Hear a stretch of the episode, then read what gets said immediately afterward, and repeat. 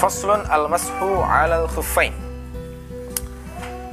Sebab baru menyapu dua sepatu wasyara'ituhu dan syarat-syaratnya. Eh syara'it jamak dari syaritah. Maknanya sama dengan syartun. Ya bermakna syarat. Wal mashu 'alal khuffaini jaizun. Menyapu dua sepatu itu hukumnya boleh. Jaiz itu boleh. Maksudnya boleh sebagai pengganti membasuh kedua kaki saat wudhu. Itu sudah pernah saya singgung di kajian sebelumnya. Syariat menyapu dua sepatu itu sebenarnya adalah cabang pembahasan wudhu. Ya, ini harusnya kalau uh, uh, kalau saya yang nyusun pembahasan fikih ini saya masukkan langsung di bawah bab wudhu harusnya, gitu ya.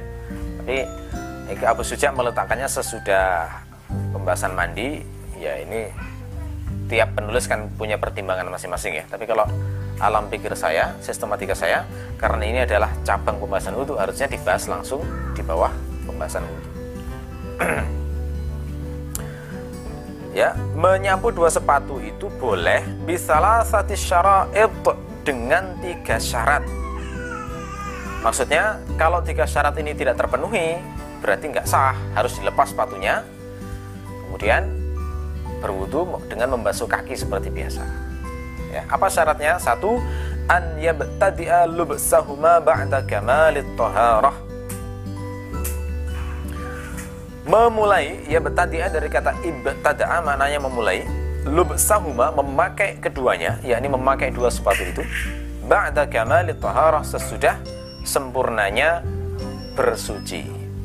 Jadi, uh, setelah apa apa memakai sepatunya itu disyaratkan sebelum dipakai harus bersuci dulu. Kalau dia terkena junub harus mandi besar dulu, baru pakai sepatu. Kalau dia misalnya nggak kena junub, tetapi hanya batal wudhunya, maka wajib untuk berwudhu dulu, baru memakai sepatunya. Jadi kalau misalnya pakai sepatu tapi belum bersuci, maka nggak sah, tidak boleh menyapu dua sepatu. Ya, ini syarat yang pertama. Yang kedua, an yakuna satiraini li mahalli ghaslil fardhi minal qadamain. Hendaknya dua sepatu tersebut menutup. An yakuna itu fiilnya khufain. Ya, itu fiilnya khufain. Jadi dua sepatunya itu kondisinya adalah satiraini, menutup dari kata satara bermakna menutup. Menutup apa? Lima halli ghaslil fardhi, menutup tempat membasuh yang wajib minal qadamain dari dua kaki.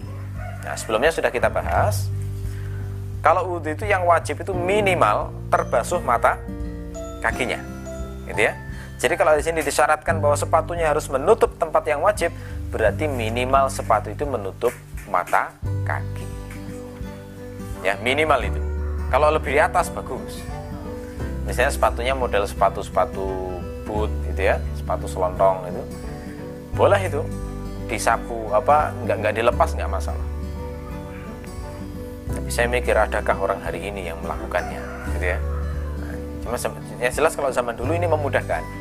Karena sepatu zaman dulu nanti coba dicari ya di museum-museum peninggalan Islam masa lalu itu. Model sepatu zaman dulu itu memang make dan melepasnya itu agak repot agak ribet. Sama sekarang kan tinggal kaki belum lepas lung mudah gitu ya. Sama dulu itu agak ribet ada talinya ada macam-macam ya gitu ya. Karena untuk perjalanan jauh. Jadi kalau itu dilepas memang agak merepotkan. Tapi kalau nggak dilepas kemudian dibasuh itu sangat meringankan. Jadi kalau model sepatunya nggak menutup itu misalnya kayak sepatu ini. Eh, saya dulu waktu kecil itu biasanya langganan dibelikan sepatu model sepatu kungfu namanya apa ya? Yang bluetooth itu ya. Yang seperti bluetooth itu kan nggak menutup mata kaki. Nah, sepatu kayak gini itu nggak bisa digunakan untuk uh, terkena apa? Di disapu uh, hanya disapu nggak dilepas tuh nggak boleh sepatu kayak gitu. Ya. Yang ketiga wa an yakuna mimma yumkinu tatabu'ul masyi alaihima. Dan kedua, uh, hendaknya keduanya itu termasuk sepatu yang yumkinu tatabu'ul masyi. Tatabu itu maknanya berturut-turut ngikuti satu sama lain. Ya, al-masyi maknanya berjalan. Jadi mungkin digunakan untuk berjalan, mengikuti satu sama lain. Maksudnya bisa di, maksudnya ini untuk mengatakan sepatunya itu bahannya harus termasuk bahan yang kuat. Maksudnya begitu. Ya. Jadi kalau sepatunya itu termasuk bukan bahan yang kuat, nggak bisa digunakan untuk berjalan safar jauh, nggak boleh itu. Kaos kaki makanya nggak cukup, karena kaos kaki ini nggak bisa digunakan untuk jalan kaki sini Surabaya misalnya, mesti rusak itu ya, nggak bisa. Maka nggak bisa menyapu kaos kaki. Atau bahan-bahan yang biasanya digunakan untuk sandal di hotel-hotel itu kan juga tipis ya, yang semacam itu nggak bisa digunakan syariat untuk menyapu dua sepatu. Karena mesti rusak itu. Jalan kalau di tempat berkerikil mungkin hanya 2 kilo sudah jebol itu. Ya makanya e, disyaratkan di sini sepatunya itu harus yang kuat maksudnya bisa digunakan untuk berjalan lama gitu ya nah itu maksudnya sebagian e, sebagian ulama menambahkan syarat yang keempat yakni uh, sepatunya harus dalam keadaan suci. Jadi kalau sepatunya itu najis, maka nggak sah digunakan di syariat, di, dipakai syariat menyapu di sini.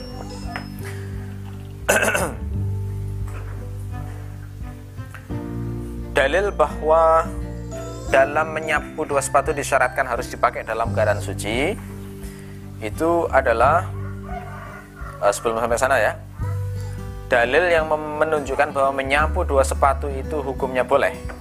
Dari kebolehan dulu ya, dalilnya apa?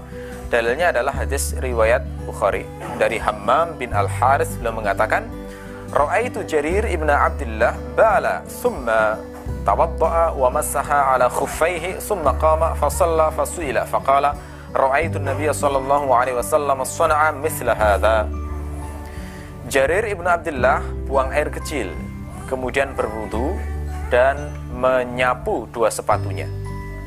Kemudian beliau berdiri lalu sholat. Lalu beliau ditanya, maka beliau menjawab, aku melihat Nabi Shallallahu Alaihi Wasallam melakukan seperti ini. Jadi maksudnya buang air, lalu berwudu, lalu sepatunya tidak dilepas, lalu disapu saja. Nah ini, ini dikatakan Jarir bin Abdullah pernah dilakukan Rasulullah. Ya, ini dinyatakan banyak hadis sebenarnya. Dinyatakan banyak hadis sekali, eh, banyak banyak sekali hadis yang menunjukkan kebolehan ini. Kata Al Hasan Al Basri, beliau mengatakan ada 70 sahabat Nabi yang meriwayatkan kebolehan menyapu dua sepatu baik dengan ucapan maupun dengan perbuatan. Jadi kalau mengikuti uh, standar ahli hadis ini bisa masuk ke ini bisa masuk ke golongan riwayat mutawatir ya tentang kebolehan menyapu dua sepatu ini. Ya. Adapun dalil yang menunjukkan harusnya uh, memakai sepatu tersebut dalam kondisi sudah suci itu dasarnya adalah hadis riwayat Al Bukhari dari Urwah bin Al Mughirah dari ayahnya yang mengatakan كنت مع النبي صلى الله عليه وسلم ذات ليلة في سفر فقال آه معك ماء قلت نعم فنزل عن راحلته فمشى حتى توارى عني في سواد الليل ثم جاء فأفرغت عليه الإداوة فغسل وجهه ويديه وعليه جبة من صوف فلم يستطع أن يخرج ذراعيه منها حتى أخرجهما من أسفل الجبة. فغسل ذراعيه ثم مسح برأسه ثم أهويت لأنزئ خفيه فقال دعهما فإني أدخلتهما طاهرتين فمسح عليهما. Dari Urwah bin Al-Mughirah dari ayahnya, ini maksudnya ayahnya Al-Mughirah bin Syu'bah. Beliau mengatakan, Aku bersama Nabi Shallallahu Alaihi Wasallam pada suatu malam dalam sebuah perjalanan. Maka Nabi bertanya, Apakah kamu punya air? Maka aku menjawab, Ya. Maka beliau pun turun dari kendaraannya Kemudian beliau berjalan hingga beliau uh, tidak terlihat lagi olehku dalam kegelapan malam. Ini Rasul membuang hajat dulu maksudnya. Kemudian beliau datang, lalu kemudian aku menuangkan pada beliau air dari wadahnya, maka beliau membasuh wajahnya. Ini menunjukkan berarti dalam wudhu itu bisa dibantu orang lain dan beliau membasuh juga kedua tangannya dan beliau memakai jubah terbuat dari bulu dan beliau tidak bisa mengeluarkan lengannya dari jubah tersebut. Berarti sempit ya, lengannya ini sempit. Ada desain pakaian zaman Nabi yang e, lengannya sempit yang yang kalau di apa bahasa Jawanya dilingkis itu, Pak. Disingkapkan ya. Kalau disingkapkan ini nggak nggak bisa sampai ke atas. Gitu ya. Sehingga akhirnya Rasulullah itu mengeluarkan tangannya ini dari bawah jubahnya. Sehingga beliau membasuhnya itu dari bawah jubahnya. Ya. Kemudian beliau mengusap sebagian kepalanya, kemudian aku turun untuk melepas sepatunya, maka beliau bersabda, "Biarkan, karena aku memasukkan keduanya dalam keadaan suci." Lalu aku lalu kemudian beliau mengusap kedua. Nah, ini kemudian jadikan dasar bahwa wajib dalam keadaan suci dulu ketika memakai sepatu tersebut sehingga sah diusap pengganti, sebagai pengganti membasuh kaki. Ya, itu dalilnya ya. Kemudian kita lanjutkan, wayam sahul muqimu yauman walailatan. Orang yang mukim itu boleh mengusap selama sehari semalam. Ya, jadi waktunya orang mukim mengusap itu sehari. Jadi boleh ya setelah ini uh, setelah untuk setelah kajian ini ya, kemudian di rumah pakai sepatu. Ya, wudhu dulu ya, wudhu dulu. Setelah kemudian pakai sepatu. kemudian sholat sambil pakai sepatu begitu ya ya lalu setelah itu kemudian setelah itu ketika antum batal nah, sejak batalnya itu kemudian dihitung itu mulai durasi sehari semalam untuk boleh menyapu dua sepatu ya jadi misalnya eh, batalnya di waktu zuhur ya, maka saat itu sejak zuhur itu maka sudah boleh menyapu dua sepatu sampai datang zuhur berikutnya. Ya. Ini kebolehan untuk orang yang mukim. Jatahnya waktunya adalah sehari semalam. Ya, selama mukim. Kalau setelah itu kemudian dia safar, ya maka berarti jatah mukimnya ini hilang sudah. Gitu ya. Setelah itu kalau dia mukim lagi dapat jatah lagi satu hari semalam. Ya. Wal musafir salah satu ayam. Sementara orang musafir itu tiga hari bilayalihin dengan malam-malamnya. Jadi untuk musafir jatahnya boleh tiga hari tiga malam menyapu dua sepatunya tidak usah dilepas. Ini mungkin akan meringankan kalau orang itu naik gunung ya, nggak usah lepas sepatunya, wudhunya itu hanya cukup uh, muka, tangan, kemudian kakinya diusap dengan dengan air ya. Tapi biasanya kalau naik gunung pengalaman saya di sana nggak ada air. Jadi biasanya malah tayamum di sana ya. Karena gunung ya puncak ya gimana air bisa sampai ke sana kalau nggak dialirkan? Gitu ya.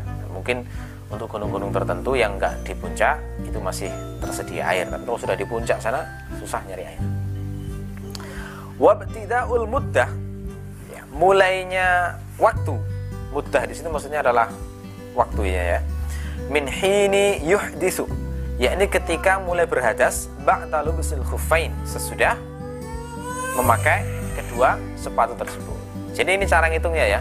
Gimana sih cara ngitung sehari semalam atau tiga hari tiga malam itu? Dihitung adalah semenjak berhadas sesudah memakai sepatu itu. Saat pakai kan diperintahkan bersuci berarti hukumnya suci saat itu? Anda kan bisa mempertahankan kesucian? Wah, kesucian. Mempertahankan kesucian sampai tiga hari misalnya ya maka saat itu berarti belum dihitung. Ya belum dihitung karena masih suci. Begitu dia itu berhadas maka saat itulah kemudian dihitung. Ya kalau dia mukim maka berarti sehari semalam. Kalau dia musafir berarti tiga hari semenjak saat itu. Ya fa'in masaha fil hadar thumma safara. Kalau dia itu mengusap saat dia dalam hadar maksudnya tidak safar di pemukiman kemudian ber, bersafar au masaha fis safar thumma aqama. Atau dia itu mengusap saat safar kemudian bermukim atamma masha mukim. Maka dia menyempurnakan pembas, uh, pengusapan orang yang bermukim. Maksudnya gini jadi misalnya uh, dia nggak ada niat safar sudah sudah sudah pakai sepatu dalam keadaan suci, lalu kemudian sudah sempat untuk mengusap sepatunya. Ya. Lalu jatahnya tinggal 12 jam misalnya. Ya. jatah untuk ngusap tinggal 12 jam karena dia kan saat ngusapnya di di mukim itu kan dihitung jatahnya orang mukim kan lalu di sisa 12 jam ini kemudian dia safar pertanyaannya apakah statusnya ganti? Menjadi musafir yang dihitung baru sehingga jatahnya tiga? Jawabannya tidak. Ya jawabannya dia dia atamma masha mukim. Dia harus menyempurnakan durasi untuk orang mukim. Jadi kalau sudah lewat 12 jam tadi sudah habis. Nggak boleh lagi mengusap meskipun setelah itu dia musafir. Kenapa? Karena dia memulainya saat mukim. Gitu ya termasuk juga ketika dia itu mengusapnya saat safar. Seharusnya jatahnya itu adalah jatah musafir tiga hari. Tapi bagaimana kalau misalnya dia mulai mengusapnya itu saat safar terus dia itu sampai di tempat mukimnya masih tersisa apa baru baru dapat satu hari itu pun masih masih 12 jam. Jadi dia dia masih punya jatah dua hari 12 jam kan itu ya harusnya. Bagaimana dalam kondisi semacam ini?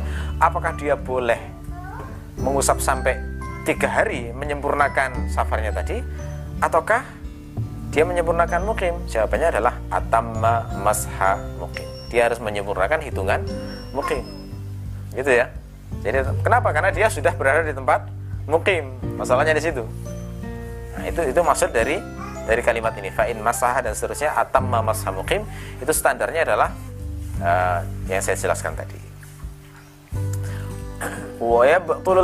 bi salasati asya.